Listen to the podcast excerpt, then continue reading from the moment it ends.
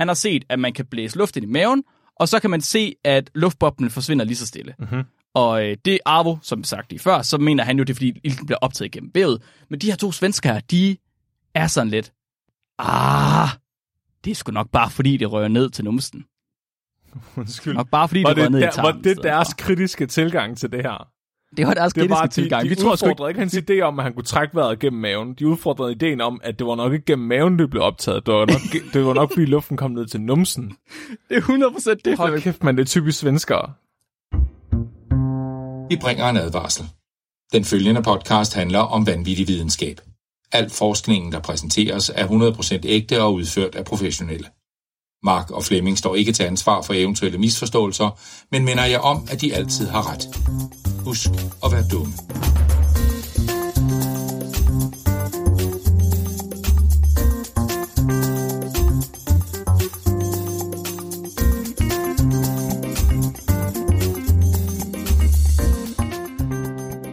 Hej og velkommen til Videnskabeligt Udfordret, din podcast om øh, middel mærkelig videnskab. Det er bare, det er aldrig, det har aldrig nogensinde været vores tagline, Flemming. Du kan ikke, aldrig nogensinde, hvordan? Over 200 afsnit, og du har stadig ikke styr på vores Har tagline. vi glemt vores 200 afsnits jubilæum? Det tror jeg måske faktisk. Det er jeg ikke helt Jeg sikker på. Det skal vi lige tjekke op på. Fortsæt, gå videre med det. Med Nå den ja, jeg er Flemming. Nu, Mark, nu er det dig, der skal sige, hvad du er. og jeg har fået luften i det gale hul, Mark Lyng. Uh, Uh. et kalehul lige frem. Ja, ind i hullet, hvor det ikke skal være, Flemming. Okay, jamen, jeg kan huske, du sidste gang sagde noget om, at du skulle tale om dyr, der kunne ting, dyr ikke burde gøre. Ja, det skulle jeg også. Øh, fordi sidste år, der udkom der en artikel, og den fik jeg tilsendt af basically alle i hele verden. Mhm. Sådan, he- hele verden på én gang, de valgte at sende den samme artikel til mig, fordi at den artikel, den var perfekt. Den var alt ved en videnskabeligt udfordret artikel. Jeg tror aldrig nogensinde, jeg har haft så mange forskellige lytter, der har tippet mig om samme artikler. Men det kan jeg faktisk også godt forstå. Fordi i dag, der skal vi diskutere om mennesker og om andre pattedyr, de kan trække vejret gennem numsen. Det, det har jeg faktisk hørt om et kursus, man kunne tage, hvor Ja. du lærer at, at trække vejret gennem kønsdelene. gennem, der, det, ja, det er ikke en del af dagens afsnit, øh, og det er faktisk ikke noget, jeg har set beskrevet nogen steder, så det kunne jeg godt tænke mig at høre lidt mere om. Hvad er det for noget? Det, ved, altså, det var bare det, jeg vidste. At man kunne tage Hvis et kursus man- i det. Jeg tror ikke, det passer. Jeg tror, det er Jeg- sådan, man lærer i frøkorpset. Hvis at du skal gemme dig under vand, så kan du bare lige stikke tissemanden op. Hvis du ikke kan få fat i et siv. Som en snorkel. Skal man, tage, skal man trække vejret? Det gider jeg slet ikke snakke om. Jeg, jeg fandt lige ud af, faktisk, det gider jeg overhovedet ikke at snakke om. Vi kan lige... Uh, Det det har jeg- Thijs har lige informeret os om, at uh, det her det er afsnit nummer 205. Men jeg tror faktisk, at vi har lavet fire eller fem bonusafsnit. Så jeg tror faktisk, at det her afsnit er vores afsnit nummer 200. Måske. Det er et perfekt afsnit nummer to. Det er her altså. vores jubilæum. Tillykke. Ja, tak. Det er godt. Jamen, det er super. Okay, så øh, lad os øh, snakke lidt om, øh, om man kan trække vejret med prutter. Og øh, inden vi går i gang, så er jeg skulle lige nødt til at, øh, at give en advarsel. Fordi dagens afsnit, det er faktisk det er en stor død baby joke. Og hvis ikke du kan holde til at høre om døde babyer, så er det ikke det her afsnit, du skal lytte til. Hvordan har du det med døde babyer, Flemming? Øhm... Nej, nu kan jeg virkelig sige mange stødende ting, Mark. Ja, Jeg er sådan helt paralyseret af valg nu. Lad os lige, vi siger, vi får lige fem minutter, hvor man godt må sige stødende ting. Det er okay. Du har fri passage nu, Flemming. Der er ingen, der må komme og klandre dig for det, du siger nu. Okay, jeg synes, de er nemmere at fange en levende babyer. Ja, kom mere. Du vil godt. Kom så, Flemming. Jeg synes, Jeg ved, du har jeg dem. synes, de er sødere end døde gamle mennesker. Ja. Ja, men de, de er nemmere at få med i håndbagagen end øh, Mm-hmm. mange andre døde ting. Jeg kan også fortælle dig, at de har svært ved at trække vejret en levende baby. tak, Mark. Tak. Det er det klogeste, du nogensinde har sagt. det kan jeg love dig for. Ja. Det. Jeg har også læst op til fem videnskabelige artikler for at finde ud af det. Om døde babyer. Om døde Nej, babyer. nu kæft. Det er rigtigt. Åh, oh, nej. Det er virkelig rigtigt. Så øh, afsnit 200 var øh, der, hvor podcasten den blev cancelled. Hvad er øh, den bøde, hvad er baby-versionen af PETA? Af dyrenes beskyttelse? tror jeg ikke findes. Ba- babyer burde det. er jo bare, altså, har ikke nogen rettigheder. De er jo ikke engang... Nej, det De har er ikke engang dyr. Nå, så er det fint De er nok, så kan vi sagtens snakke om det her. Jeg ved ikke, om det gør det bedre, at jeg har en baby. Har jeg, må jeg så godt joke om det? Er det ligesom at få Nej. et gay pass? Ah, ah. Eller bliver det bare mere forstyrrende at lave døde baby jokes, når man har en baby? En lille smule. Hvad hvis man gør det, mens man holder babyen? Uh, endnu værre. Okay. Meget, værre. meget slemt. Det er virkelig slemt. Man kan bare det er ikke, rigtig, finde ud rigtig, rigtig... Okay, det er virkelig, det er virkelig slemt, Flemming, hvis du gør det, mens du holder en død baby. Okay, okay, okay. Så det, det er ligesom forskellen på at fortælle en racistisk joke, hvis du er sort, end at fortælle en racistisk joke, mens du til en sort person. Så Nej, du døde må bare baby ikke jokes er det, kun Flemming. Ja. okay, hvis at en baby siger dem. Døde baby jokes er okay, hvis en død baby siger. Mm. Okay. Ja. det er derfor, de er så Ja. kontroversielle. Det er også derfor, at øh, det, det er slet ikke en joke, det her. Det er faktisk meget alvorligt. Det er meget, meget alvorligt. Ja. Er du klar til, at vi kommer i gang? Nej, jeg, jeg har aldrig været så lidt klar til noget. Jeg ved, det bliver Jeg så dig, svært jeg for mig at, at, at passe på i det, i, med- i det her... Åh, oh, gud. Okay, men så okay, det er afsnit 200, tror vi. skal, skal vi ikke bare sige, at vi får free pass til bare at være totalt stødende? Er det ikke okay? Er det sådan, Nu er er det her en form for disclaimer? Jeg har lige lavet en disclaimer. Okay. Det er død baby i dag. Sådan er det. Den artikel, jeg har med i dag, som er blevet sendt ind af alle lyttere i hele verden, også lyttere, der ikke lytter til vores podcast, den øh, har en mega kort introduktion. Det er en videnskabelig artikel, ligesom alle andre videnskabelige artikler, men den har kun cirka 10 linjer introduktion. Og det er ikke normalt. Normalt så har man i hvert fald en halv sides introduktion, hvor man lige beskriver sådan, hvad er den førende forskning inden for det felt, man har. Hvad er det for et emne, vi skal tage i gang med? Mm-hmm. Hvad er det egentlig, det vil sige at være en død baby? Sådan nogle ting. Det er simpelthen en indføring i forskningslitteraturen om døde babyer. Ja, men den her artikel her, den starter med at sige, at øh, der findes fisk, der kan trække vejret gennem tarmen, og at man testede det på mennesker og dyr tilbage i 50'erne, uden at det virkede. Det er det, den siger i sin introduktion. Og så lægger den fire referencer, og så siger den ikke mere om det. Og jeg sad, ikke også? Jeg læste den her artikel her. Jeg når ned til slutningen af linje 10, og jeg ser de her fire referencer her. Der står bare fire tal, 1 til 4, og jeg er sådan lidt, det er jo fucking den hellige gral, det her. Åh oh, nej, ja, oh, det kender Hvad jeg er godt. de fire artikler? Hvorfor har de ikke beskrevet dem mere? Hvordan kan de bare sige, man har testet, om mennesker kan trække vejret med tarmen i 60'erne, 50'erne, whatever, uden at beskrive mere om det? Der er bare fire referencer. Så, så, altså, jeg er sådan et, okay, er jeg overhovedet klar til at google, hvad det, det betyder? Hvad det er for nogle fire artikler. Hvad det er for nogle fire artikler? Tør jeg gå ind på, tør jeg gå ind på Google Scholar og finde ud af, hvad det er for nogle artikler? Men, folks, jeg, har- jeg, jeg har taget den på mig. Jeg har taget den på min kappe. Som, som altid, så tager jeg de, de meget slemme emner på min kappe, og har simpelthen, øh, jeg googlede det. Det er vel også vores arbejde som videnskabeligt udfordret, at læse de det. videnskabelige artikler, som alle forskerne de undgår. Ja, det, jeg synes, det er vores ansvar som vanvittige, skal vi kalde os selv for vanvittige forskere? Det må vi godt. Forskere i vanvid. Så er det vores ansvar at gå ind og finde sådan nogle artikler. Og Flemming, øh, oven på det, så vil- kunne jeg godt tænke mig lige at spørge dig.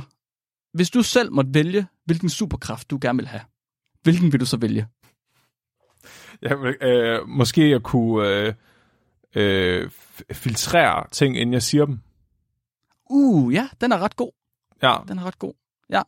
Jeg, jeg, tænk, jeg tænkte faktisk noget i samme retning her. Jeg vil personligt vælge noget, noget diskret. Et eller andet sådan, at der ikke er nogen, der vil kræve, at jeg brugte min superkraft til at gøre gode ting. Eller til at bekæmpe superskurke. ikke? Fordi så lige pludselig så har du mere ansvar, end du behøver. Det gider jeg egentlig ikke. Så jeg vil gå efter noget diskret. Sådan noget som altid at kunne ramme 0 præcis på sin årsopgørelse. det, Nej, det ville være fedt. det er sgu da rimelig kedeligt. Nej, men Det, så er men det er rimelig diskret. det. Er Men det også, fordi, du skulle give nogle penge tilbage, Mark? Jamen, det, det skal vi ikke tale så Altså, fordi jeg Det fik kunne jo også vildt være mange penge tilbage i skat. Så altså, jeg Jamen, det synes, det vi lyder som en det- dårlig superkraft. Det behøver vi ikke snakke om. Det kunne også være sådan noget som, øh, at alle øl, man nogensinde drikker, de har den perfekte drikketemperatur. Uh. Diskret superkraft, virkelig god for mig, overhovedet ikke til at se for nogen andre. Det kunne også være sådan noget, som at kunne trække vejret under vand. Fordi Flaming Waterworld, den er på vej, og jeg tror ærligt talt, at det bliver en rimelig værdifuld evne her. Og hvad vil du sige, hvis jeg fortæller dig, at vi måske allerede har den evne? Findes der allerede nogen, der kan svede jordbæryoghurt? Det tror jeg. Ja. Det tror jeg. Amerikanerne, de kan så mange ting.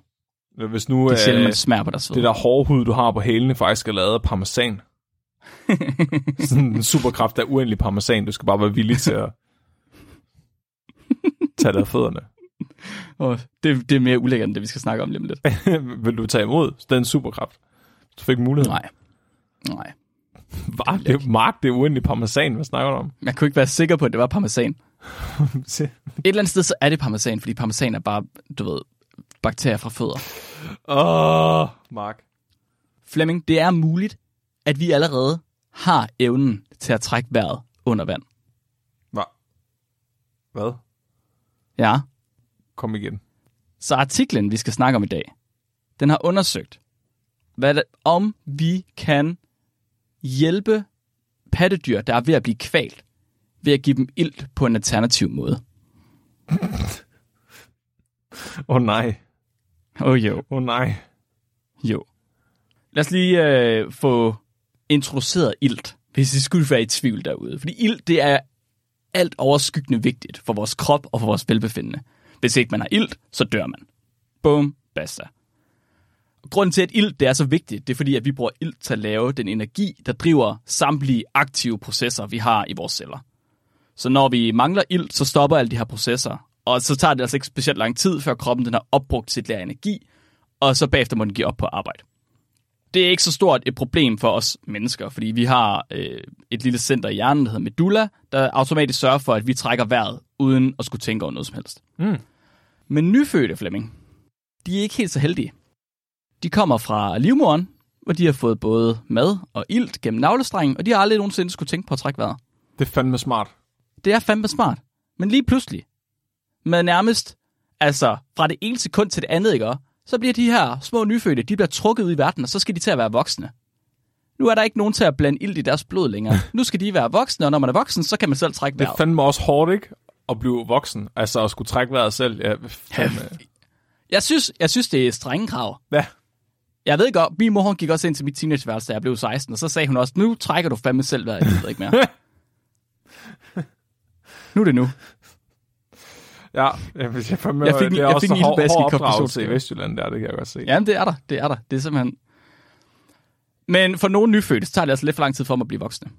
De, de sidder sgu fast. De bliver bare ikke voksne hurtigt nok. Så det er, faktisk, det er faktisk ret hyppigt, at der forekommer vejrtrækningsproblemer i de første par timer efter fødslen. Mm. Sådan noget, det skal opdages, og det skal stoppes. Og hvis det i aller værste tilfælde ikke bliver stoppet, så risikerer man, at baby dør. At vær, vejrtrækningen ikke ikke bliver stoppet. Ja, det Okay, er Flemming sagde ja. præcis. Eskild, Hvis han man blev faktisk stop- stop... født så hurtigt, at han ikke begyndte at trække vejret, da han kom ud. Hvad gjorde I så? Men de, det var jordmor var bare sådan... Det er som om, han ikke har opdaget, at han er blevet født, fordi det gik så hurtigt. Så Okay. han bare sådan... Kartoffel. Hvad? Men så I gjorde ikke noget, han begyndte bare at trække vejret senere? Ja, jeg, jeg kan sgu ikke lige huske, om de lige... Du ved, nippede ham i ballen, uden vi opdagede det eller et eller andet. Men lige pludselig begyndte han i hvert fald at skrige. Okay. Fedt nok. Men øh, det er ikke kun et problem for, for sådan som Eskild. Det er et problem øh, for rigtig mange babyer. Det har været et problem i mange, mange, mange år. Altså, vi snakker over 100 og tusinder. Og i den første halvdel af 1900-tallet, der gik sindssygt meget forskning ud på at finde ud af, hvordan man holder babyer i live, når nu de får barnlige til selv at trække deres ild. Ja, Ja. Heldigvis, Flemming, så kommer løsningen ret hurtigt. Eller, du ved, der, der kommer en form for løsning ret hurtigt. Fordi i mellemkrigstiden, der har forskere ikke så meget at tage sig til. Og øhm, på det tidspunkt, der har berlineren Arvo Ylpø, han har lige eksperimenteret lidt på sig selv. Og han har udtalt, at i eksperimenter foretaget på mig selv, har jeg opdaget, at det menneskelige maveepitel optager ilt ganske udmærket. hvordan, okay, hvordan har han opdaget det? Hvad? Ja, det skriver han desværre ikke. Har han fundet ud af, at han kan trække vejret gennem røven? Ja, men han, det er faktisk, øh, for ham, der er det i mavesækken. Direkte. Så øh, det, der sker, det han øh, har set umiddelbart, det er, at hvis han pumper ilt ned i mavesækken, så kan man simpelthen se, at der kommer en boble af ilt i mavesækken, og at den forsvinder over tid. Og Arvo, han tænker, det må fandme betyde, at ilten den bliver optaget af kroppen igennem maven.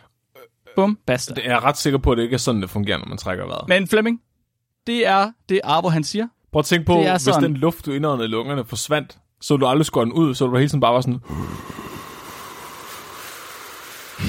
Men det, det er jo fordi, der kommer ny luft til. Luften, du ånder ind, den, den forsvinder jo. Det er rigtigt nok. Du sagde lige, at luftboblen forsvandt ned i hans mave. Ja, ja, luftboblen nede i hans mave, mm. den forsvinder, den bliver mindre. Det mener han er, fordi den bliver optaget igennem tarm, eller igennem maveepitelet. Okay. Ja, Det er simpelthen, så Arvo han ser det her, han tænker, det er det, der sker. Så øh, det starter hans favoritmetode, hvor han simpelthen begynder at ilte børn ved at blæse iltrig luft ned i deres mavesæk gennem deres næse. Så man slange lige gennem næsen, hele vejen ned i mausen, og så pumper man bare ilt ned. Hold kæft, hvor var det meget, meget sjovere at være forsker dengang. Prøv at tænke på, hvis du skulle få den igennem etisk råd i dag. Skal du høre, hvorfor han tror, det her, det, det, her- hvorfor han prøvede det her til at starte med? Mhm. Jamen, øh, han har, hans rationalisering, det er, at han, han havde engang hørt om fisk, der kunne trække vejret igennem mausen. Så når nu øh, er sådan en fisk, den kan, så må mennesket også kunne. Det er fandme en god. Prøv han også at hugge en arm af. Jeg ser om armen gå ud igen, fordi han havde hørt fire ben. ja, kunne. Han har ikke skrevet det, men man skriver også kun om ens succeser. Jeg har hørt, hvis man kløver en, en søstjerne i to, så vil der gro to nye søstjerner ud af den. Giv mig din baby. så skal du nok få dem igen. Ja, psykotisk nok så virker det til, at han har gjort, han har faktisk spurgt, giv mig din baby. Det er jo ikke at spørge. Han har sagt, giv mig din baby, og så har folk fandme gjort det. Og det er han ikke den eneste, der har. Det er der virkelig mange mennesker, der har åbenbart. Fordi i 50'erne, der har han to svenske kolleger. De hedder Åkæren og Fyrstenberg. Og øh, de to, de får fat i hans opskrift på at lukke luft ind i maven. Og de kigger på hans data. De ser, han har ligesom kigget på det her med røntgen, ikke? Han har set, at man kan blæse luft ind i maven, og så kan man se, at luftboblen forsvinder lige så stille. Mm-hmm. Og øh, det er Arvo, som sagt lige før, så mener han jo, det er fordi ilten bliver optaget gennem vævet. Men de her to svensker her, de er sådan lidt, ah, det er sgu nok bare fordi, det rører ned til numsen. Undskyld. Nok bare fordi, Var det det, ned i der, tarmen. var i det deres for. kritiske tilgang til det her? Det var deres Det var, kritiske de, tilgang. de Vi tror sgu ikke, udfordrede hans idé om, at han kunne trække vejret gennem maven. De udfordrede ideen om, at det var nok ikke gennem maven, det blev optaget. Det var nok, det var nok fordi luften kom ned til numsen. det er 100% det, Hold fordi, men det er typisk svenskere. Ja, men det er fordi, den der fisk, de snakkede om til at starte med, den trækker ikke vejret igennem maven, den trækker vejret igennem tarmen, så det synes de giver mere mening.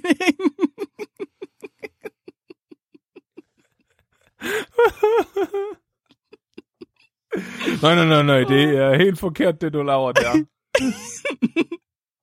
det er ikke bra.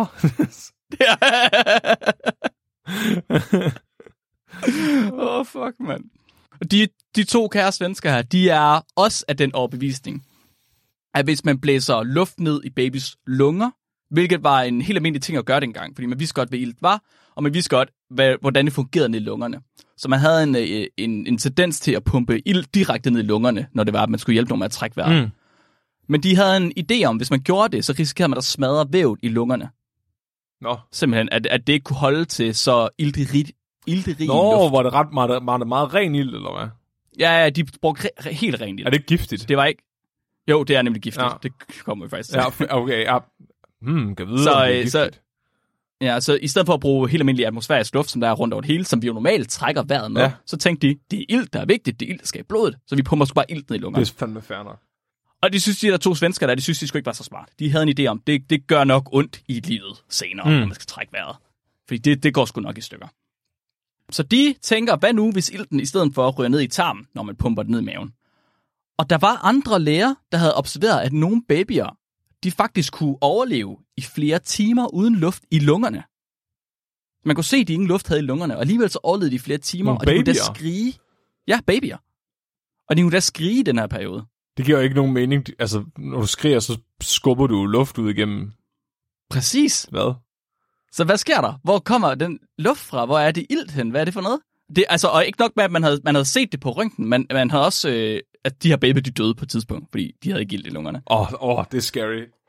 Ja, men så havde man øh, obduceret dem, og så trukket, øh, hvad hedder det, lungerne ud, og så kan man simpelthen se, at der, var- der var ikke nogen iltning i lungerne. Så normalt så skal de være sådan lidt øh, svampeagtige, mm. lungerne. Men de her, de var så leveragtige i stedet for. Nå. Så man, når de slet ikke har optaget noget luft. Øh. Så hvordan kunne det være levende i flere timer, hvis ikke de havde lunge, luft i lungerne? Hvad er det for noget? Og man så også, at hvis man blæste luft ned i maven på kaniner, så blev tyndtarmen fyldt med luft nærmest med det samme. Så de her to svensker her, de er ret overbeviste om, at man behøver ikke øh, ilt i lungerne, og hvis man pumper ned i maven, så ryger det ned i tarmen, hvor det kan blive optaget, ligesom det gør i den der fisk. Kan vi lige værdsætte, at der er nogle forskere, der har lavet ægte kaninballoner? De har hyret, de har hyret sådan en, øh, en øh, hvad hedder det, sygehusklovn til lige at komme. Pop! Åh, oh, for satan. Nej, det skal du ikke tage. Bare lige, der er en klud til at tørre blodet af. Det skal du ikke. Ja. Det er okay. Det smager som kylling, det har jeg hørt. Så de to øh, svensker her, Åkeren og Fürstenberg, de går i gang på deres hospital med at teste, om man kan redde babyer ved at stoppe luft ned i tarmen. Deres metode, det går ud på at indsætte to kateter igennem næsen. To kateter samme vej, igennem næsen og ned i maven, ligesom det var med, med Arvo. Og så vil de pumpe ilt ned i maven, og så vil de føre den videre ind i tarmen. Mhm. Der er to kateter, fordi den ene skal ligesom fungere som form for sikkerhed. Sådan at hvis, øh, hvis nu at der er en form for blokade nede i maven, så kan ilten stadig komme ud af den anden slange. Mhm. Den anden end den, man pumper ind. Så man pumper det ind den ene, og man har en udgang ved den anden, hvis nu der skulle være et problem. Ja, Og de har faktisk tænkt en lille smule over det, trods alt. sådan så de ikke springer i luften. Ja, lige præcis, så, så de ikke springer i luften. Og når man så har styr på, at der ikke er nogen blokade, der er, styr, der er ligesom det skal, som det skal være, så sætter man ellers bare tryk på, og så pumper man 3-4 liter ren ilt per minut direkte ned i babys mause. Hvor meget... Hvor mange mælkekartoner tror du, der kan være i en babys mause? Snakker vi om levende babyer eller døde babyer? jeg tror, det er det samme i det her tilfælde. Det er bare levende babyer på et tidspunkt. De her, de var levende babyer. Hvor mange liter luft, der kan være nede i en baby? En halv. Ja, det er i hvert fald, skal vi ikke blive enige om, det er ikke 3-4 Det er liter. en halv liter. De, de sætter simpelthen et tryk på, der, altså et flow på, der pumper 3-4 liter ren ilt ned i babys mause på et minut. Hold nu kæft, Mark. De her babyer, Det de er de. døde, ikke også? De er døde. De er, det er døde babyer. Ja, øh, altså de rapporterer selv... Nej, nej, nej, nej, nej, nej, nej, nej. Er det nej, levende jo- babyer, de gør det her med? Ja, for ideen er jo, at de skal redde babyer, der er ved at blive kvalt. Så det er døende babyer, de gør det med. Ja, ja, det er døende babyer. Det er babyer, der kommer ud af mutter. Jeg kan ikke finde ikke ud af, om jeg synes, det bliver mere etisk af, at babyerne er døende. De vil jo gerne redde dem, det er jo ligesom det, de prøver på. Du kan godt se, Flemming, når man gerne vil redde en baby, så puster man den op som ballon, Ja. lige til bristepunktet. Ja, men jeg, altså, førstehjælp er godt nok øh, faldet langt fra, hvad det var dengang. Det er jeg meget enig. De, de, de har lavet nogle rapporter, hvor de ligesom lige har beskrevet, hvad det, er, at, øh, hvad det er, der sker, hvad de selv ser. Fordi de har ligesom testet det her. Og de rapporterer, at øh, det angiveligt fungerer ret godt. Og der, den her metode her, det bliver ret hurtigt rutine på deres hospital. Ej, hold nu kæft. Det fungerede godt til at få døde babyballoner, eller hvad? Ja, ja, det er skide godt. Det fungerer bare. Babyerne, de overlever det her, Flemming. De har det skide godt bagefter. Og så tilføjer de faktisk lige et par cases. Bare lige for at have noget evidens på, at deres metode virker. På at det pumpe ilt ned i mavesækken på ba- babyer, der er ved at dø. Ja, ja. Det virker. Så ja, så blandt andet så havde de et, øh, et barn, der var født helt almindeligt. Det havde øh, lyserød hud, normal livstegn, en Apgar-score, der var høj, en død baby-score, der var høj, Flemming. Nå, jeg den, jeg havde noget helt glemt. Ja, men, øh, men med for meget slim i luftvejene. Og øh, da det har det, så stopper barnet lige pludselig med at trække vejret. Og man stopper simpelthen hurtigt en slange ned i mausen på den, og så man kan pumpe noget ilt ned i tarmen. Vejrtrækningen den kommer tilbage næsten med det samme, og fem minutter efter man er begyndt på det her, så skriger baby, og syv minutter efter, så er der ingen tegn på vejrtrækningsbesvær overhovedet. Det er eddermen mærkeligt. I et andet tilfælde, der er barnet stoppet med at trække vejret allerede inde i livmoderen. Og man er nødt til at trække det ud med en tang. Og da den så kommer ud, så ser man navlestrengen simpelthen har snørret sig rundt om halsen. Og barnet det er livløst. Mm. Det er blegt, og det trækker ikke vejret. Man suger i de øvre luftveje i, i næsen for ligesom at fjerne blokader, og så indsætter man kateterne. Men de virker ikke. Der sker ikke noget her. Man fortsætter i 5,5 minut med at pumpe 3-4 liter ilt ned i baby, og så opdager man, at kateterne de er blevet trukket en smule op, så de faktisk ikke sidder dernede, hvor de skal. Ups. Så øh, på, luften bliver ikke pumpet ordentligt ned. Og da man opdager det, så sætter man den rigtigt ned. Og lige så snart man gør det, så tager barnet en dyb vejrtrækning og bliver lyserød. Øh, Så de viser faktisk, at selv når det ikke virker, så er det som regel på grund af en teknisk fejl. Så de mener bestemt, at det her det virker. Og de har ni af sådan nogle cases her, som de har taget med i deres øh, lille artikel. hvordan... Hvad, hvad, hvad med negativ kontrol? Det taler vi ikke om her, Flemming. Hvorfor skulle vi gøre det? Hvad er det for noget? Kontroller? Det har jeg ikke hørt. Nej, ja, men det er måske også lidt uetisk at bare pumpe luft ind i en døende baby uden ild i. Det ved jeg ikke. Nå, men så kan det, så kan det være, at du kommer til at øh, kunne lide den næste, den næste artikel her. Åh oh, nej. Fordi det lyder jo næsten for godt til at være sandt. Gør det ikke det? To svensker har fundet på at stoppe ilten i mausen på babyer for at kunne redde dem fra at blive kvalt. Jeg har lyst til at tro, at det er bare fordi babyerne de beslutter sig for at trække vejret af sig selv. ja? Er det ikke meget normalt? Eller det ved jeg ikke. Jeg ved ikke så meget om døende babyer. Nej, jeg ved faktisk heller ikke, om det, om det er sådan noget, der bare... Om de bare begynder på det. Jeg tænker, i nogle tilfælde, så er det et eller andet, hvor det er, fordi man får rusket dem. Det kan også være, at de får fjernet et eller andet med den der slange der, Mm. eller sådan noget. Så de rent faktisk skal begynde at trække vejret. Ja. Men der er nogle andre forskere, der, der er også, de er også skeptiske, Flemming, ligesom dig. De er også sådan et, kan det være sandt det her? Det er vi fandme lige nødt til at teste selv.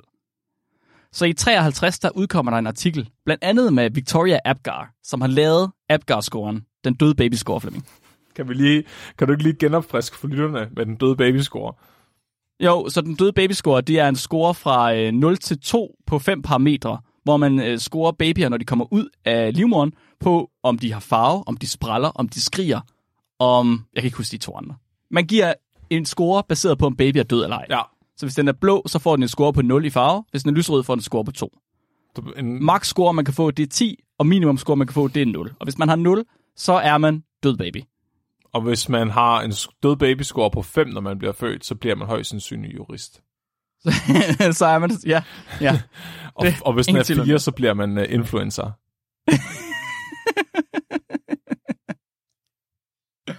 Så Victoria her, Victoria Apgar, hun er rimelig skeptisk over for det her, og det virker som om, hun har babyers velbefindende altså for øje. Hun vil gerne have, at babyer har det så godt som muligt. Okay, det er et godt udgangspunkt. Ja, så hun sætter sig for at teste det her. Så hun tager øh, og får fat i nogle babyer på et hospital. Hun får fat i ni babyer, der ikke kan trække vejret, og så, fat, hun, så får hun fat i 20 babyer, der godt kan trække vejret. Og de ni babyer, der ikke kan trække vejret, dem giver hun kunstig ilt i tarmen. Og det samme gør hun med 5 ud af de 20 babyer, der godt kan trække vejret. 10 af de her 20 normale babyer, de får ingen ekstra ilt. Og de sidste 5, det er en kontrolgruppe, der får lattergas i stedet for. Altså døende babyer. Nej, det her det var almindelige babyer. Der var 20 babyer, der ikke var døende. 9 babyer, der var døende. Okay, så hun pumper lattergas op i røven på fem sunde babyer som kontrol. Ja, ned, i- ned, i, ned i maven. Hvordan, Men ja. ja, hvordan, hvordan er det en kontrol, når de ikke er døende? Jeg forstår det ikke. Jamen, de vil jo gerne se, om... Øh, de, så det er fordi, at de rent faktisk måler på noget. Og det gør de her Åkrederen og Fyrstenberg Nå, ikke. så de kan de måle kigger bare på, om babyen om- overlever. Om det stiger, eller hvad? Ja, de måler lige præcis, om ilt, iltniveauet i blodet det stiger. Det er vildt nok, at det første, du nogensinde oplever i dit liv, det er, at du får en skid på. har du prøvet at få lattergas? Nej, det har jeg Det har jeg heller ikke. Hvordan er det, Flemming? Det er ikke noget, jeg vil ønske mig som baby. Nej, Nej, heller ikke, hvis det er 3-4 liter i minuttet ned i det mausen. er fandme meget. Altså Så, så, sådan en øhm, ballon med, hvad er der, en liter i en ballon eller sådan noget? Ja, det kommer blandt på, hvor hårdt du puster den op, går ud fra. Ja, altså det er nok til, at man sådan lige, du ved, øh, bliver sådan lidt Sådan. overvejer, hvorfor man gjorde det. Så jeg tænker sådan, for en baby, der er det rimelig meget. Jeg ved, jeg kan love dig for, det meget. Jeg kan se, Thijs han har skrevet i vores Discord, at voksne mennesker, når de får ilt, så får de 10-12 liter i minuttet igennem maske, og 4-6 liter i minuttet igennem en næsebrille. Og det er, jo, det er jo fint nok. Det får det til at lyde som om, at de der 3-4 liter i minuttet, det er måske ikke så meget. Men jeg kan fortælle jer, at i det her studie her, der opdager man, at hvis man pumper luften ind i de her babyer med 3-4 liter i minuttet, så udspiller man dem så meget, at man frygter for deres liv. Fuck af. så de, de, prøver, de prøver først at bruge Åkeren og Fyrstensbergs øh, tryk, altså deres, deres flow. Og så ser de, nej, nej, nej, shit, shit, shit, shit, vi springer den her. Prøv at tænke på, hvad de der forældre, der lige får deres barn i, sunde, raske barn i armene, og så sådan, jeg skal lige låne det til videnskaben. To stykker, ikke? Og så den der baby, der er bare ved at springe i luften. ja, det er fucking sindssygt, mand. Så, så de, finder, de, de bestemmer sig ligesom for, at de, okay, vi skruer det skulle lige ned til en liter i minuttet. Men selv ved en liter i minuttet, der kan de se, at maven den udspiler sig. Åh. Oh. Så de kan se, at maven den udspiler sig af det her. Det er fuldstændig sindssygt. Alligevel så fortsætter de, de skal teste det her, ikke? Så øhm, for nogle af de her børn her, der har dårlig vejrtrækning, der giver man dem først ilt i lungerne, ligesom man normalt har gjort ved børn. Så bagefter så fjerner man ilten fra lungerne. Og så begynder børnene at trække vejret dårligt igen. Og når de begynder at trække vejret dårligt igen, så giver man dem ilt igennem maven, for at se, om de så begynder at trække vejret godt igen. Mm, ja. Ja. Og de her forskere, de observerer, at børnene de trækker vejret virkelig dårligt, når de får ild gennem maven. Det går ikke overhovedet. Det... Er en interessant observation, Mark. Det er næsten som om det organ, der er beregnet til at trække vejret med, er bedre til at trække vejret, end det organ, der er beregnet til at fordøje med. Man forstår det jo ikke, Nej. hva'? Det er mærkeligt. Ja. Hvor, hvor, hvordan, altså, måske, jeg tror bare, det er, fordi de ikke har stukket slangerne langt nok ned. Det er bare en teknisk fejl, fordi svenskerne kunne få det til at lykkes hver gang. Helt ærligt. Og de kan umuligt have snydt i deres rapport. Det... Er også en ret stor forskel, om det er en svensk baby, eller om det er en menneskebaby. Ja, det er en ret stor forskel. Ja. Ja. Det er, svensker, de optager ilt meget mere end menneskebabyer. Ja. Det kan, det kan også bare være det, fordi du ved, at svenskere, der er der sådan en standard ikke at få ild under fødslen, at det er derfor, de synes, det er en god idé at putte fiskesalat oven på hotdogs. fordi de alle sammen bare har en død babyskår på en, når de bliver født. Det er sådan, i, i Sverige, der er man ikke pink, når man bliver født. Der er man blå, og det er sådan, ja, det er fandme, det, det er fordi bare fordi, han er ved sådan en. Det, det er sådan, det skal være. Det går fandme ikke, de begynder at give deres babyer ild i Sverige, fordi så kan det være, at de begynder at tænke selv. og så går det lige pludselig op for dem, at det er fucking klamt at putte fiskesalat oven på alting. Jeg tror da, man bliver bedre menneske af ikke at putte fiskesalat på alting. Ja. ja det Nej, jeg tror bare, man har fået ild til hjernen på et meget kritisk tidspunkt. Man begynder at overtage verden lige pludselig. Så de her forskere, de måler rent faktisk også på, om der sker en forskel på de her babyer. De kigger ikke bare på, om de begynder at trække vejret. Det er jo en okay parameter, men det er en meget kvalitativ parameter. Men her der tjekker de også, bliver ildkoncentrationen i blodet rent faktisk ændret af, at de får ild igennem maven. Og de kan se, at det gør det ikke. Der er ingen forskel. Altså, der er ingen forskel på, om de ikke får ilt, og om de får ilt. Men hvis de får ilt i lungerne, så er der en forskel. Mm-hmm. Så har de ilt i blodet også. Så generelt så opdager det her studie, at det faktisk nok er mere farligt end hjælpsom at pumpe ilt ned gennem maven. Siger du til mig, at det er mere farligt end hjælpsomt at prøve at puste en baby op som en ballon, når den er ved at dø, end at lade være? Ja, det er det åbenbart. Altså, jeg forstår ikke helt, hvor det kommer Hvordan fra. har det her, synes, hvordan har det her studie ikke fået Nobelpris? Det, det forstår jeg ikke. Velkommen ind i, uh, i arkivet for studier, vi godt vidste i forvejen. Kan man ikke nominere det der svenske studie til en ikke Nobelpris? Kan man, jo, det kan man faktisk nok godt. Det er faktisk en god idé. Ja. Det burde man. Men det har alligevel været rimelig væsentligt, fordi det var faktisk noget, man gjorde rigtig meget, det her med at give babyer ilt i maven. Okay. Altså, det blev en... en jeg, jeg vil ikke sige en standard, men der var, der var nogle læger, som satte sig for, at de her to svenskere, de havde fandme styr på det, og så begyndte de at gøre det. Og åbenbart i 50'erne, så er det sådan noget med, at læger, de selv kunne få lov til at, at sætte deres egne metoder i brug, før det skulle testes af nogen. Det var da fornuftigt. jeg tror, det er sådan noget med, at man bare lige har skrevet op til direktøren for, for hospitalet, og så sagt, ved du hvad, jeg har fundet ud af, at øh, hvis man pumper babyer op som ballon, så lever de. Og så har direktøren sagt, det lyder fandme godt, det skal du fandme have lov til. Det synes jeg, men det skal vi gøre noget mere. Skal vi have noget fiskesalat i morgen? Det vil jeg gerne have. Har I prøvet at putte nogle magneter op i røven på dem?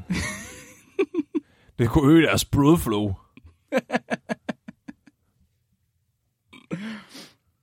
Flemming, det er faktisk øh, det, er faktisk det sidste, jeg har om, om døde babyer. Og det betyder, at vi allerede nu er nået igennem de fire referencer. Og de fire referencer her, de danner basen for den artikel, der udkom sidste år. Det er en artikel med titlen Mammalian Enteral Ventilation Ameliorates Respiratory Failure. Groft oversat, så betyder det, at pattedyr drukner ikke, hvis de får lov til at trække vejret med røven. Fordi selvom 50'erne og 60'erne, de er fyldt med forsøg på nyfødte, der får maven pumpet fuldt af ilt til ingen verdens nytte. Jeg fatter stadig ikke, at det er sket. Hvor det, jeg Det er- er ikke, det. at der er nogen, der har fået lov til det der. det er fucking sindssygt. Men selvom det skete i 50'erne og 60'erne, og man fandt ud af, at det fucking ikke virker, så var der nogle japanske forskere sidste år, der tænkte, alle de der vejrtrækningsproblemer, vi har i, i, i verden, kan de ikke bare løses med numsten? Kan vi ikke bare, kan vi ikke godt, det kan vi godt gøre med numsten, kan vi ikke det? Det, Og ja, øh, det var det der med atombomben og hentai, du snakker om. det der med, de der japanere, de har fået lidt for meget stråling. Ja. Og de her japanere her, de har, øh, de har lavet sig inspirere af en fisk. Tilfældigvis en fisk, der kunne trække vejret gennem tarmen. Det er den japanske værfisk. Kan vi ikke bare blive enige om at udrydde den der fisk der, så det ikke sker igen? Hvad, hvorfor er det forskere kigger på en fisk, der kan trække vejret gennem røven, og så tænker, det, det, det kan jeg også. Det vil jeg også, Det er at den her baby kan gøre det. Altså, hvorfor gør... det- Og hvorfor lige den der fucking fisk? Hvad med, at du kigger på fisken og tænker, nå ja, den har ikke nogen lunger, den trækker fucking vejret gennem gælder? Altså, det- hvordan... Ja, jeg forstår det ikke. Nej, nej, Flemming. Alle dyr er ens. Hvis et dyr kan, kan alle dyr. Rumme, de kan trække vejret gennem huden. Det hvis jeg, nu- Mennesker må også have trakea, hvis jeg nu bare for de tager, har biller. hvis jeg nu bare tager tøjet af og går rundt i nøglen, så behøver jeg ikke trække vejret gennem munden. Jeg kan faktisk, jeg laver faktisk passiv diffusion, så hvis jeg lægger mig i mudderpøl, så drukner jeg. Det er faktisk bare, fordi jeg ikke er fedtet nok. Jeg optager også selv min mad igennem min, igennem min, min, min hoved. Kan du ikke smøre noget kage på mig, det smager så dejligt. oh. De japanske forskere, de har lavet sig inspirere af værfisken. Åbenbart, åbenbart, nu får vi forklaring på den. Åbenbart så er værfiskens tarmvæg bygget op af et meget tyndt lag epitel. Og virkelig, virkelig, virkelig mange kapillærer. Og det betyder, at der er ret god adgang til blodcirkulationen fra tarmen.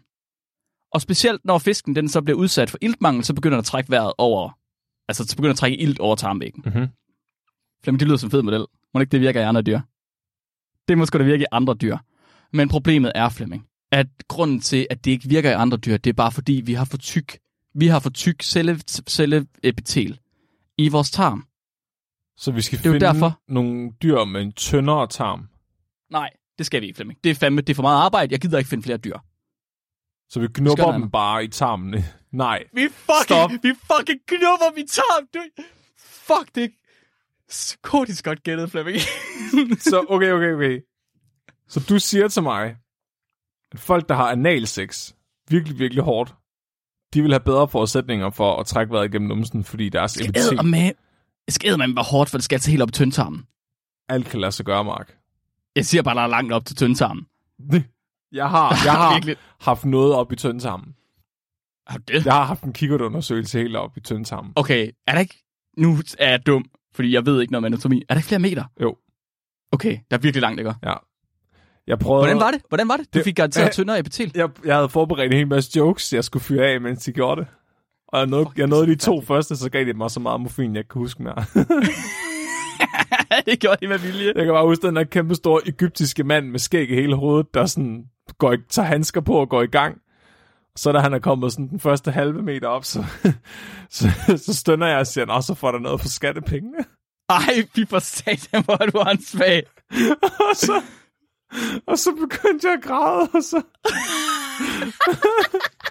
den sygeplejerske, der var i rummet, hun var der kun for at sidde og holde mig i hånden. så, så kunne jeg bare huske, hun sagde, at jeg skulle have noget mere morfin, og så kan jeg ikke huske mere. Åh, oh, det er så sindssygt. Ja.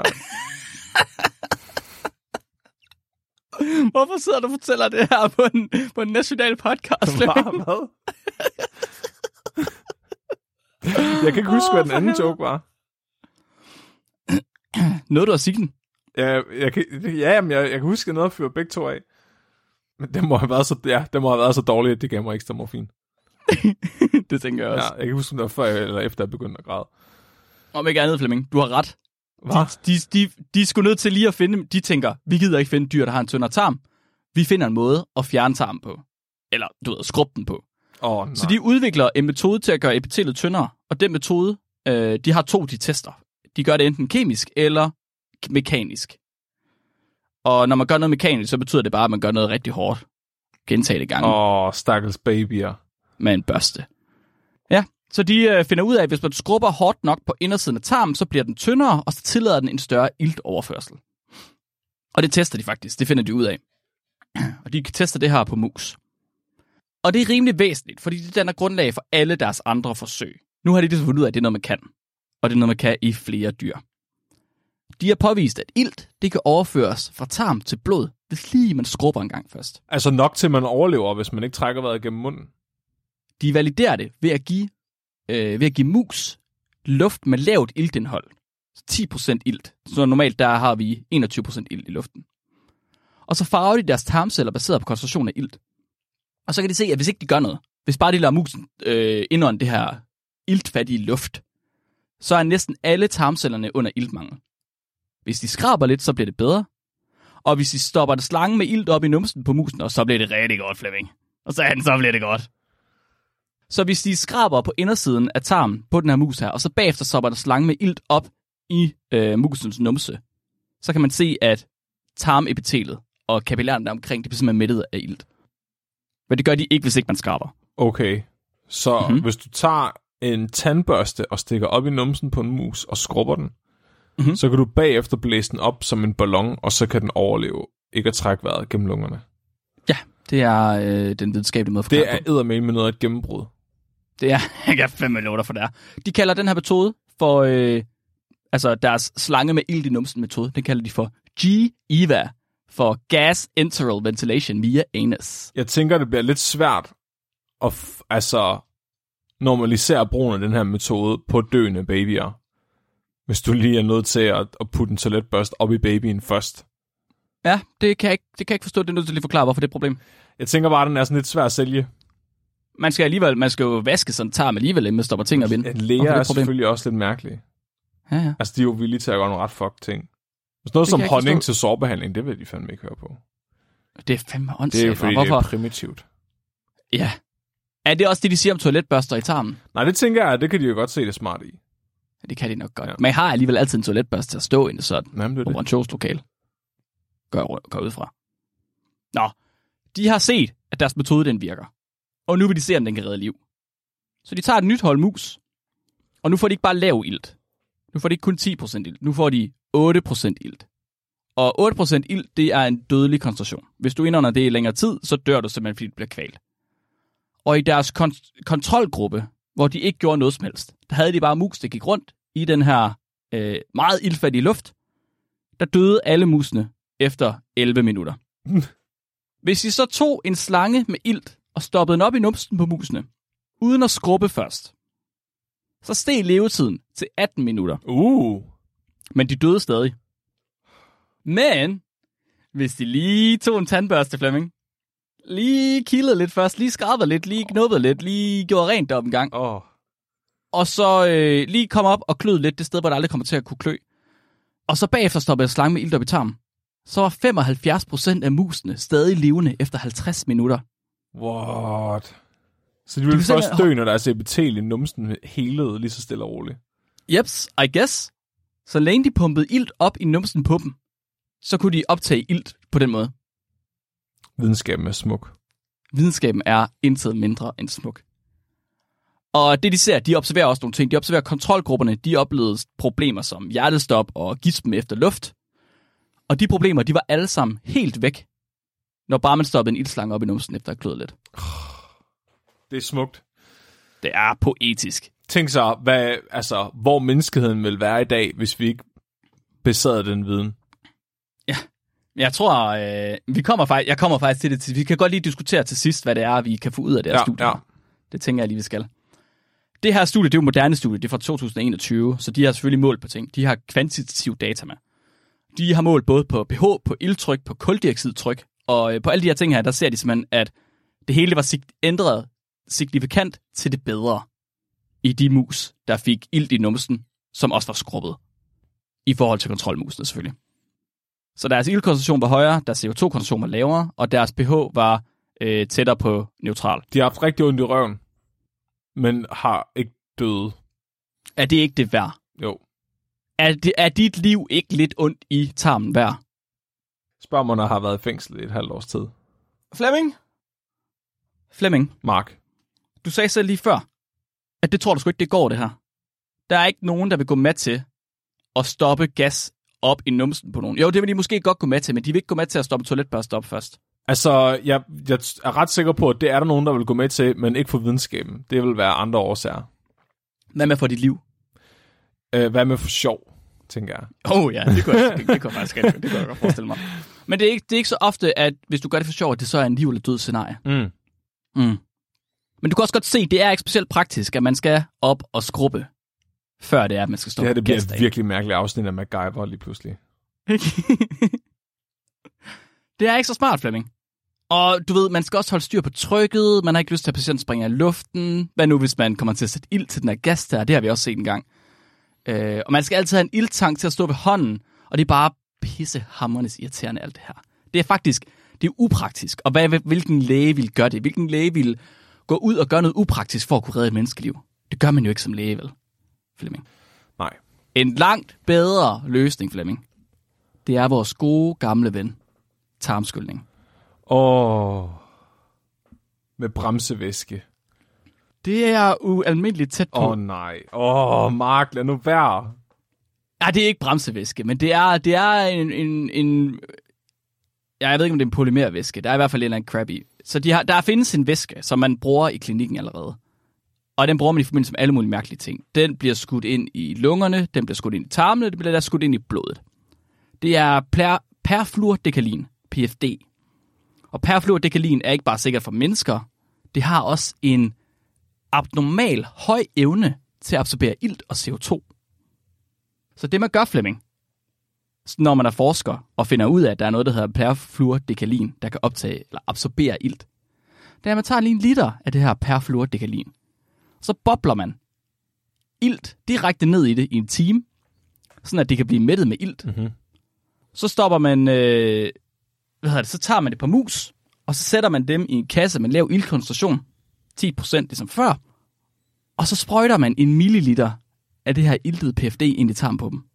Er det en luftbudding? Jamen, det er ikke, jo, den er viskøs. Det er ikke helt budding. Hvad skal vi sige? En gelé? Ja. Luftgelé. Oh. Iltgelé nærmest, der. Så øh, det, de har gjort, det er, at de har haft en, en kasse, hvor de har kontrolmus, og så i den anden kasse, der havde man mus, der fik sprøjtet det her PFD op med ilt. Så filmer man dem i 5 minutter, og så måler man, hvor meget de bevæger sig. Kontrolmusene, de lå stort set helt stille. De bevægede sig 1 cm på de her 5 minutter. Mhm. Og de tarmskyllede mus, de bevægede sig 40 cm i løbet af de 5 minutter. Jeg fandme også løbet rundt, hvis jeg havde røven fuld af jello shots. Men det er ikke bare det, Flemming. Det er jo, det er jo en, det er en rimelig væsentlig parameter at måle på, fordi hvis du er lav på ilt, så bliver du også som groggy, og du har svært ved at bevæge dig, og du bliver måske også træt og søvnig. Og specielt hvis du er en mus, der ikke rigtig altså, forstår, hvad der, er, der sker, Jeg og du synes, ikke forstår, kont- at du kontrolgruppen skulle bare have sprøjtet noget op i røven, der ikke havde ild i sig. Rigtigt, det skulle de faktisk. Ja. Det er rigtigt, de skulle have stoppet PFD uden ilt op i. Ja. Det er faktisk et bedre kontrol. Det er Ja. fandme godt set, Flemming. Det har jeg ikke selv set. Ja. Om ikke andet, så ser de i hvert fald, at det her PFD med ilt, at det simpelthen, det, hvis musene får det, så begynder de at bevæge sig. Hmm. Ja. Og der ser de også igen, der måler de på en masse data, de ser igen, at ilt via tarm, også med væske, det kan øge ildtrykket i hjerte, det kan sænke CO2-trykket, og generelt så kan de vedligeholde ildtrykket i blodet i op til en time. What? Så I kan På se, en milliliter, det der? Ja, øh, ja, jeg tror faktisk, det var en milliliter, de, de havde brugt til den samme på en time. Det er jo doping for fridykkere, det her. Ja, det er måske ikke engang løgn. Men hvis man skal op og gøre det ved fridykker, Flemming, så tror jeg, nu har vi testet på mus. Og jeg tror ikke, 1 ml er sgu ikke nok til en fridykker. Hvad gør vi, Flemming? Hvad fanden gør vi lige for, vi, vi skal have fundet ud af, hvor meget skal man så bruge til mennesker? Jeg ved ikke, en 4-5 liter eller sådan noget. Jamen, hvordan finder vi ud af det? Hvorfor? Hvad fanden er tæt på mennesket, vi lige kan teste det på? Åh oh, nej. Åh, Er det svenskere? hvad er det? Hmm, hvad er vi tæt beslægtet med? Øh, men så, eller hvad ligner vi meget, men er vi ikke tæt beslægtet med? Hvad fanden? Hvad Oh, vi er det, er det grisemark? Åh, oh, nej, Flemming. Kunne man tage et, lille, kunne man tage et pattegris, og så stoppe noget øh, PFD op i numsen på den?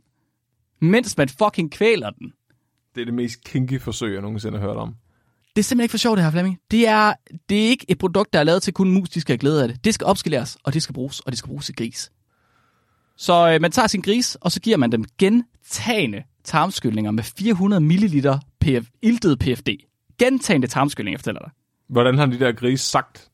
Mens Åh, oh, det, de, har ikke, de har ikke optagelser af lyden, og de har ikke jeg beskrevet vil det. gerne høre din fortolkning af grisenes øh, lyde af det her. Ja, så øh, jeg sagde kvælt, eller man kvæler dem. Og Ja. det gør man, fordi man giver dem øh, iltfattig luft. Så de har kun fået 10% ilt. Ja. Og jeg tænker, at når man får iltfattig luft, så skriger man ikke. Man viner ikke. Man siger, Tak, det tror Mark. man siger. Ja. Jeg tror, det er så, man siger. ja. Eller også, øh, der er lige kommet en artikel ud, hvor man har, øh, hvad hedder det, man, man har korreleret grises kald med, hvordan de har det. Har du set den? Nej. Man, man, har, man har mål på grise i glade og i stressede situationer, og så har man fundet ud af, man har fået en AI til at finde ud af, hvordan er deres pitch, når det er, at de ligesom er glade Ja, og stressede. Ja. Og man havde målt på, nu skal du høre, det her det er vanvittigt, man havde målt på smågrise, der fik mad ved mor, og man havde målt på svin, der var i slagtesalen. Ja. Så kan du gætte, hvilke lyde, der var glade, og hvilke lyde, der var stressede? Jeg tror, at dem, der skulle slagtes, de var glade, fordi så fik de endelig en ende på deres øh, forfærdelige fabriksliv. Ja, og hvordan tror du, det har lyttet? det er måske ikke engang løgn. Hvordan lyder det, når øh, små, smågrise, de patter ved mor? Mm. Ja. ja. Så, øh, så, så, jeg ved ikke, hvorfor vi begyndte at snakke om det. Det er også lige meget. man tog de her griser, og så pumper man dem fyldt med PFD adskillige gange. Og det gør man, mens man giver dem ild, øh, luft med kun 10% ilt. Flemming, hvordan tror du, de her griser, de har det? Uha. Jeg tænker, øh, altså, hvis vi baserer det på det med musene, Mhm. så tænker jeg, at de bevæger sig noget mere, end dem, der ikke har fået det op i numsen. Jeg tror faktisk, de har faktisk ikke ladet dem gå rundt, de her. De har, det er ret syret, det her, fordi der er et billede af det. De har sat dem op i en, øh, en hvad hedder, ikke en stigebøjle. Hvad, hvad hedder sådan et stilas? Sådan et øh, stativ, man sætter øh, hvad hedder det, kvinder op i, når man laver gynækologiske undersøgelser. Nej. Jo, for sådan en har de sat dem op i. Kan du ikke lige sende mig et billede af det? Øh, fuck, har jeg Det tænkt. lyder virkelig kinky. Okay, åbn det her billede i stor, så kig ud til højre. Man skal nok zoome lidt ind, de har ikke hjulpet os specielt meget. Nej. Åh, oh, det der, det er mit nye profilbillede til LinkedIn. What? Den der flæskesteg, den har eddermame med smagt sexet bagefter. Ej, hvor er det hammer... Det, Mark, nogle gange, så tror jeg, at vi glemmer, hvor hammerne uetisk det her det egentlig er. det, det tror jeg virkelig også. Jeg tror normale mennesker, der hører os sidde og grine det her, de, tager, de vil måske tage lidt afstand fra det. Men øh, Jeg har givet, jeg, jeg har sagt disclaimer. Ja. Vi har fået lov. hvis man har nogen som godt. helst form for etisk sans i forhold til dyrevelfærd og sådan noget, så beklager vi meget. Jeg er imponerende i noget så langt i det her afsnit. Ja, det er det faktisk. De har de her grise her til at sidde i en gynækologisk briks med benene oppe. Og så sprøjter man det her væske ind i numsen på dem. Så måler man på iltindholdet i de her grise her, som man giver øh, altså, iltfattig luft. Og Flemming, det virker selvfølgelig. I syv forskellige grise, der stiger deres iltmætning i blodet. Deres hudfarve vender tilbage til normalen, og det samme gør deres kropstemperatur. Det er simpelthen Odin, der har set de her grise, og så bare tænkt, jeg giver dem lige øh, et ekstra skud livsenergi, sådan så de får en chance for at tage hævn på menneskene bagefter. det her, det her er ikke en værdig måde for grisen at dø på. Nej, det er det sådan, er ikke okay. der sætter vi grænsen. Selv jeg er barbarisk, men det der, det er ubehageligt. Ej, hvor er det sindssygt. Det er en virkelig... Hvis nogen vil gå med den t-shirt der... Vi må få lavet en t-shirt med en gris i en gynækologisk stol og få budding op i numsen, Mark. Det synes jeg er en god idé, Flemming. Ja. Det skal vi gøre. Ja. Gør vi det? Er det næste t-shirt? Hvis der er nogen, der kan tegne det og sende det ind, så... Øh... De her japanske forskere, de har simpelthen fundet ud af, at kvalte grise, de kan holdes i live med ilt igennem numsen. Sorry, iltskilde. Og øh, de tjekker faktisk også sikkerheden af PFD på rotter, fordi de vil gerne være sikre på, at det rent rent faktisk kan bruges i klinikken. Det er ligesom, det er innovation det her. Og de finder, at der ikke er nogen signifikant forskel mellem en kontrolgruppe, der fik sprøjtet saltvand op, og så en gruppe, der fik sprøjtet iltet PFD op i numsen. Der var ikke, der er ikke nogen, nogen forskel. forskel.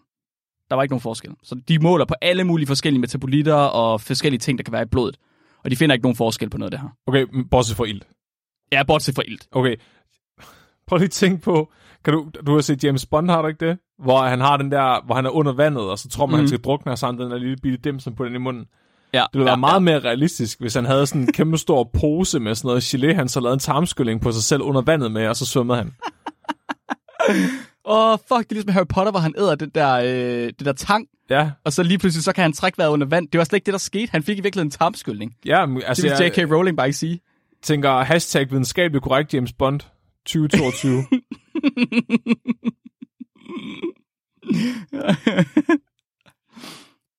Men Flemming, du efterspurgte, hvad relevansen er for det her. Hvorfor? Hvad kan vi bruge det til? jeg efterspurgte også et billede, og det fortryder jeg nu. Men det er faktisk lidt interessant, at vi nu har en alternativ metode til at introducere ilt i blodet på pattedyr. Fordi vi har, vi har givet kunstig ilt igennem masker i snart 200 år, siden vi opdagede ilt. Men det samme vi opdagede ilt, så begyndte vi også at kaste ned i lungerne på folk. Og det er egentlig først nu, at vi rigtig begynder at forstå, hvad det er, der foregår i kroppen, når vi gør det. Så jeg sagde jo, at de der to øh, svenske forskere der, de havde en idé om, at det måske var giftigt. Og du nævnte faktisk også, at du tænkte, det var giftigt. Og det er det faktisk. Mhm. Man har opdaget, at hvis man giver ren ilt i lungerne, så er det skadeligt for lungevævet. Fedt. Det kan simpelthen ikke tåle, det er for høj en koncentration af ilt. Tilbage i 98 allerede, der lavede man en sammenligning mellem genoplivning af børn med ilt og med atmosfærisk luft. Så man, øh, man, man har altid, eller man har ikke altid, man har i lang tid genoplevet børn med ilt i lungerne. Mm-hmm. Det giver mening. Og så i 98, der tænkte man, hvad nu, hvis vi lige prøver at gøre det med almindelig luft, som ja. faktisk er det, vi andre vi trækker. Og så så man faktisk, at atmosfærisk luft, det var lige så effektivt som ren ilt. Okay. Det er jo meget godt at lige finde ud af, efter man har gjort det i så mange år. Præcis. Og ikke nok med det, så tog det faktisk kortere tid, fra man gav øh, atmosfærisk luft, til de begyndte at skrige, end det gjorde, når man gav ild, til de begyndte at skrige. Hvorfor var man så mange år om at teste det? Hvorfor kunne du få... Der, du tænker ikke sådan, hvorfor, hvorfor? hvorfor er der en forskel? Hvorfor tager det længere tid? Når man får ild, når man får atmosfærisk luft. Ja, hvad, er det- hvad er det for noget? Det synes jeg i hvert fald. Jeg var sådan lidt, øh, hvor, hvor, hvorfor, hvorfor er det ikke det samme? Ja, det er faktisk en god... Ja, hvorfor? Hvorfor? Det har man fundet ud af. Ja. Man har en idé om, at hvis man giver ren ilt, så er det simpelthen for meget, og det forsinker vejrtrækningen. Nå, fordi Så hvis de lu- trækker vejret normalt, mens de får 100% ild, så overilder de. Præcis overilder de blodet, og så forsinker man vejrtrækningen, så det går længere tid, før at baby tager sit første åndedrag efter behandling. Mm. Hvorimod, hvis de får atmosfærisk luft i stedet for, så forsinker man det ikke, fordi at det kan nemmere øh, passere over. Åbenbart. Ja, Mark, jeg har det virkelig sådan... Kan vi ikke bare finde al den her forskning, og så brænde den, og så henrette dem, der har lavet den, sådan så vi aldrig nogensinde får den her teknologi ud Nej, du har lige nævnt, vi skal, give, vi skal jo give dem en Nobelpris i stedet for. Ja. Det synes jeg, det giver meget mere mening. Vi, skal, vi er nødt til at tage alle de mennesker, der har pumpet babyer op som badebolde, og give dem en stor Nobelpris. ja, Og en stor fed check på en million svenske og kroner. lavet meget kinky seksuelle overgreb på grise. og det er en artikel fra sidste år, Flemming. Nej. Det er fandme sindssygt, mand. Så hvad er det præcis, vi skal bruge der tarmskynding til? Hvad fanden er det, de skal bruges til? Artiklen, den kom jo ud i midten af 21. Mhm. Og hvis man kigger på, hvem der har betalt for forskning, sådan i, øh, i videnskabelige artikler, der er der altid lige øh, et afsnit, hvor der står, øh, vi har fået penge herfra. Og hvis man kigger i det afsnit, så vil man se, at en del af midlerne, det kommer fra øh, noget, der hedder de japanske forskningsprojekter for covid-19. Okay. sagde 1921, 2021. Så det blev simpelthen foreslået, at øh, når nu vi går og mangler respiratorer på grund af corona, Ej. så kan vi jo finde en alternativ måde at give folk ild. Åh, oh, nej, nej. Bare lad mig dø. Lad mig dø. Nej, nej. jeg vil ikke, jeg vil ikke op i bøjlen. Jeg vil ikke, jeg nægter.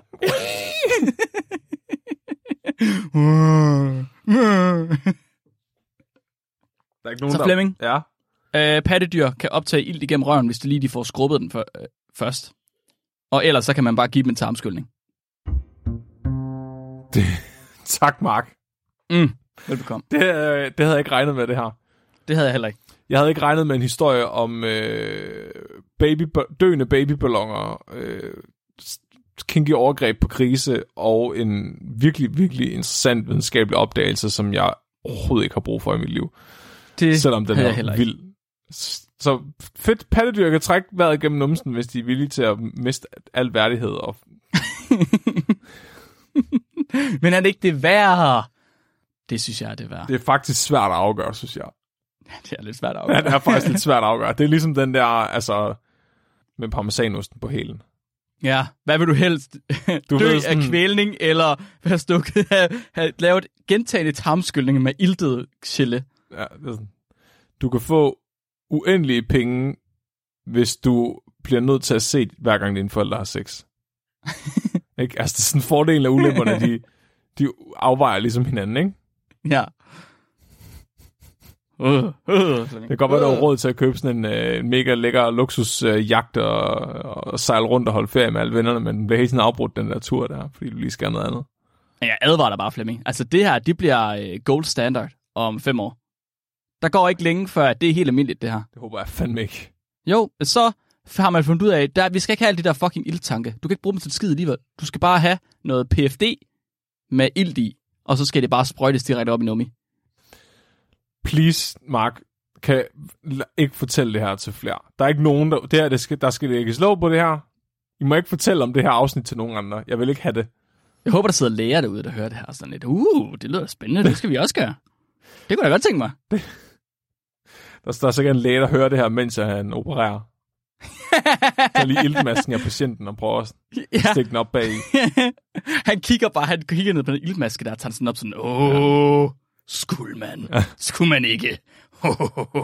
Det er godt. Det bliver mellem os det her, Mark. Det bliver mellem os. Tak for det. Velbekomme. Har vi noget lytterspørgsmål i dag? Ja, det har vi. Ej. Vi har et lytterspørgsmål fra Begitte, og jeg synes, det er meget relevant for din tilstand lige nu. Mm-hmm. Hun har spurgt, øh, hvordan kan det være, at vi ofte fungerer bedst under pres? Som vi tænker klarere, vi kan mere fysisk osv. Hvordan kan det være, Flemming, at når du nu har hørt om øh, den næste behandlingsmetode, som du ikke kan lide, at du så faktisk er i, er i beredskab og er klar? Du vil, du vil, hvis jeg kommer i nærheden af dig, så vil du vifte mig væk. Du vil lægge mig i, i headlock lige med det samme. Hvorfor? Hvorfor, hvorfor, er det, hvorfor sker det? Jeg tænker øh, simpelthen bare det er fordi, at vi, bliver, at vi mister det der filter for at vurdere, om noget er en god eller en dårlig idé i øjeblikket. Og så øh, alle de dårlige idéer, de kommer lige pludselig til at virke gode det er den konstante okay. tilstand, jeg lever i altid. Jeg arbejder ikke bedre under pres, fordi jeg bare altid er under pres. Er det en 50-50, om man tager den gode eller en dårlig beslutning, så når man kommer under pres? Har du prøvet at tage nogle gode beslutninger under pres, Mark? Hvad er den bedste mm. beslutning, du har taget under pres? Så jeg har aldrig, jeg har aldrig nogensinde blevet jagtet. Du ved, fight or flight er sådan et typisk eksempel, men jeg har aldrig nogensinde blevet jagtet, så det er ikke fordi, at jeg kunne tage beslutninger om at blive jagtet, eller om at flygte. Så jeg vil sige, under den form for pres, vi har nu, som snowflakes i, i det 21. århundrede, nej, så har jeg aldrig taget en god beslutning. Hvad med sådan noget at aflevere en matematikopgave sådan 20 minutter før deadline på gymnasiet? Eller HTX? Jamen, det, er jo, det gør jeg alligevel. Det er jo altid sådan, det bliver bedst. Okay. Og, og, Det har og gør aldrig- de det? Ja, det har, jeg har aldrig nogensinde, jeg har altid, jeg, prøv at, hvis jeg har skrevet en opgave og brugt længere tid på den en halv time, det spilder liv. jeg skal ud jeg skal ud og drikke bajer, Flemming. Det er ikke tid til. Det er selvfølgelig rigtigt. Så det er faktisk... Men bliver det så egentlig bedre? Eller er det noget, vi fortæller os selv? Hvorfor? Ja. Er det, er det, men er det ikke nok? Placebo-effekten, er det ikke nok? Uh. At vi tror, det, at vi tror, vi er mere, vi tænker mere, vi tænker mere klart. Ja, og så gør vi det, fordi vi tror på det. Ja. Det er ligesom overgår i Warhammer 40.000, Mark. Ej, hold nu kæft. Okay, det var det. Det var Fordi tak de for, alle tak sammen tror på, at øh, røde ting er hurtigere, så bliver de hurtigere, fordi alle tror på det. Jeg gider, jeg gider ikke. Jeg gider ikke. Undskyld. Ah, fint nok, Mark, fint nok. Jeg gider ikke. Du kan, du kan gøre det her, når du er sammen med Nikolaj. Jeg vil ikke. Så øh, Nikolaj skal snart være med igen, kan jeg fornemme.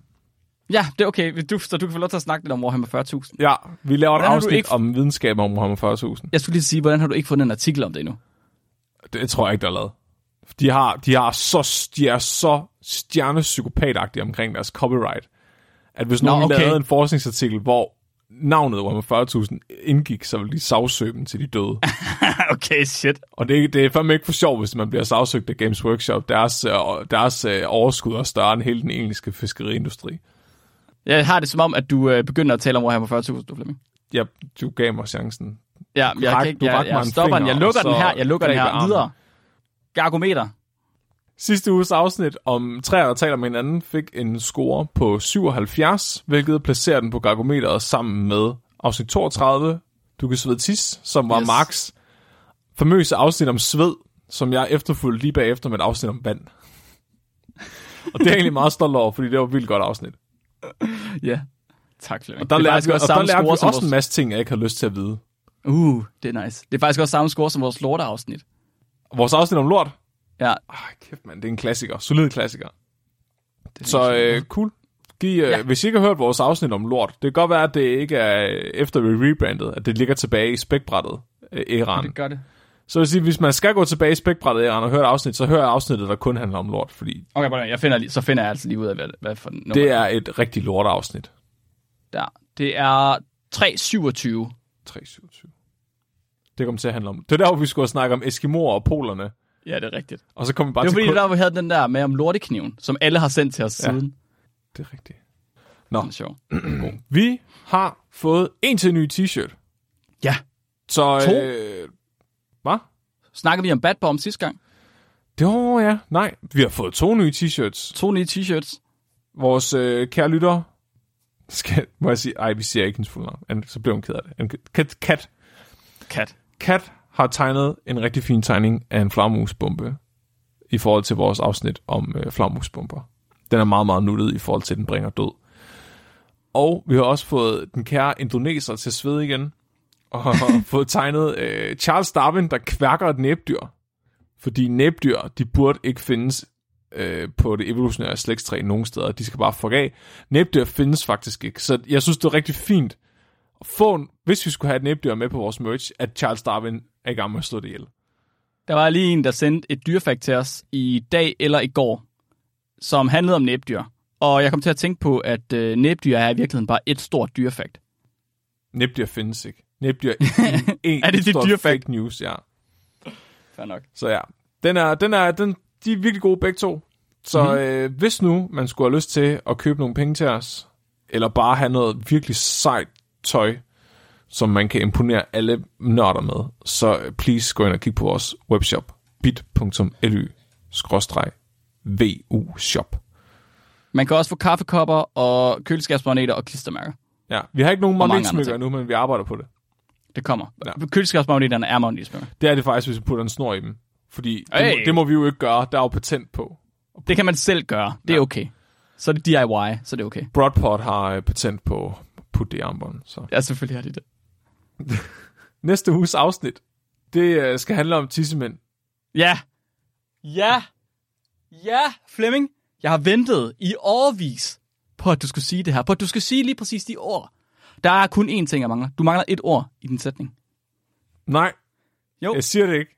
Jo, Nej, jeg siger det ikke, Mark, for det kommer, Hvorfor ikke, Til, at- det kommer ikke til at handle om det. det er det nødt til. Det kan, Nej. ikke, det kan det ikke andet. Åh, Mark. Men så river jeg dem af. Jeg gør det, mens du snakker om dem. Så bare river alle af hele Af afsnittet. dem alle sammen. Ja. Så... Så, Hvor, hvordan? Hvad så? ja, nej, men det er så okay, så det er simpelthen fordi, at øh, jeg er i den situation, at øh, min chef på mit nye arbejde har givet mig en hel masse videnskabelige artikler om tissemænd. Nej, det er okay. Og øh, min tidligere vejleder på universitetet gav mig også en hel masse videnskabelige artikler om tissemænd. Hvorfor? Jeg ved ikke, altså, øh, hvor, hvorfor det er, men det er bare sådan noget, der sker, når jeg snakker med folk. Så jeg har sådan en effekt på dem, jeg ved det ikke helt. Men nu har jeg i hvert fald nok afsnit om tissemænd, til vi kan lave et helt afsnit om tissemænd. Og jeg kommer også til at sige noget, der kunne tolkes som en homofobisk på den første dag på min nye arbejde. Så jeg tænker, hvis jeg nu taler om tissemænd i en time, så gør det godt igen.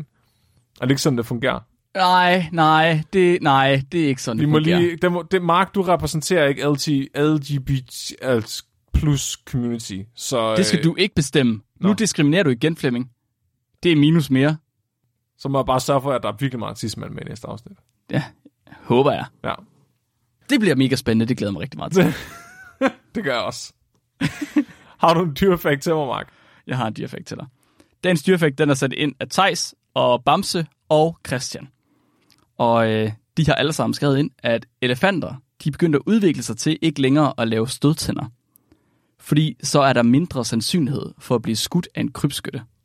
Uh. Uh. Unaturlig evolution. Det er lidt fucked up. Det er rimelig fucked up. Jeg er Flemming. Og mit navn det er Mark. Du er blevet videnskabeligt udfordret. Husk at være dum.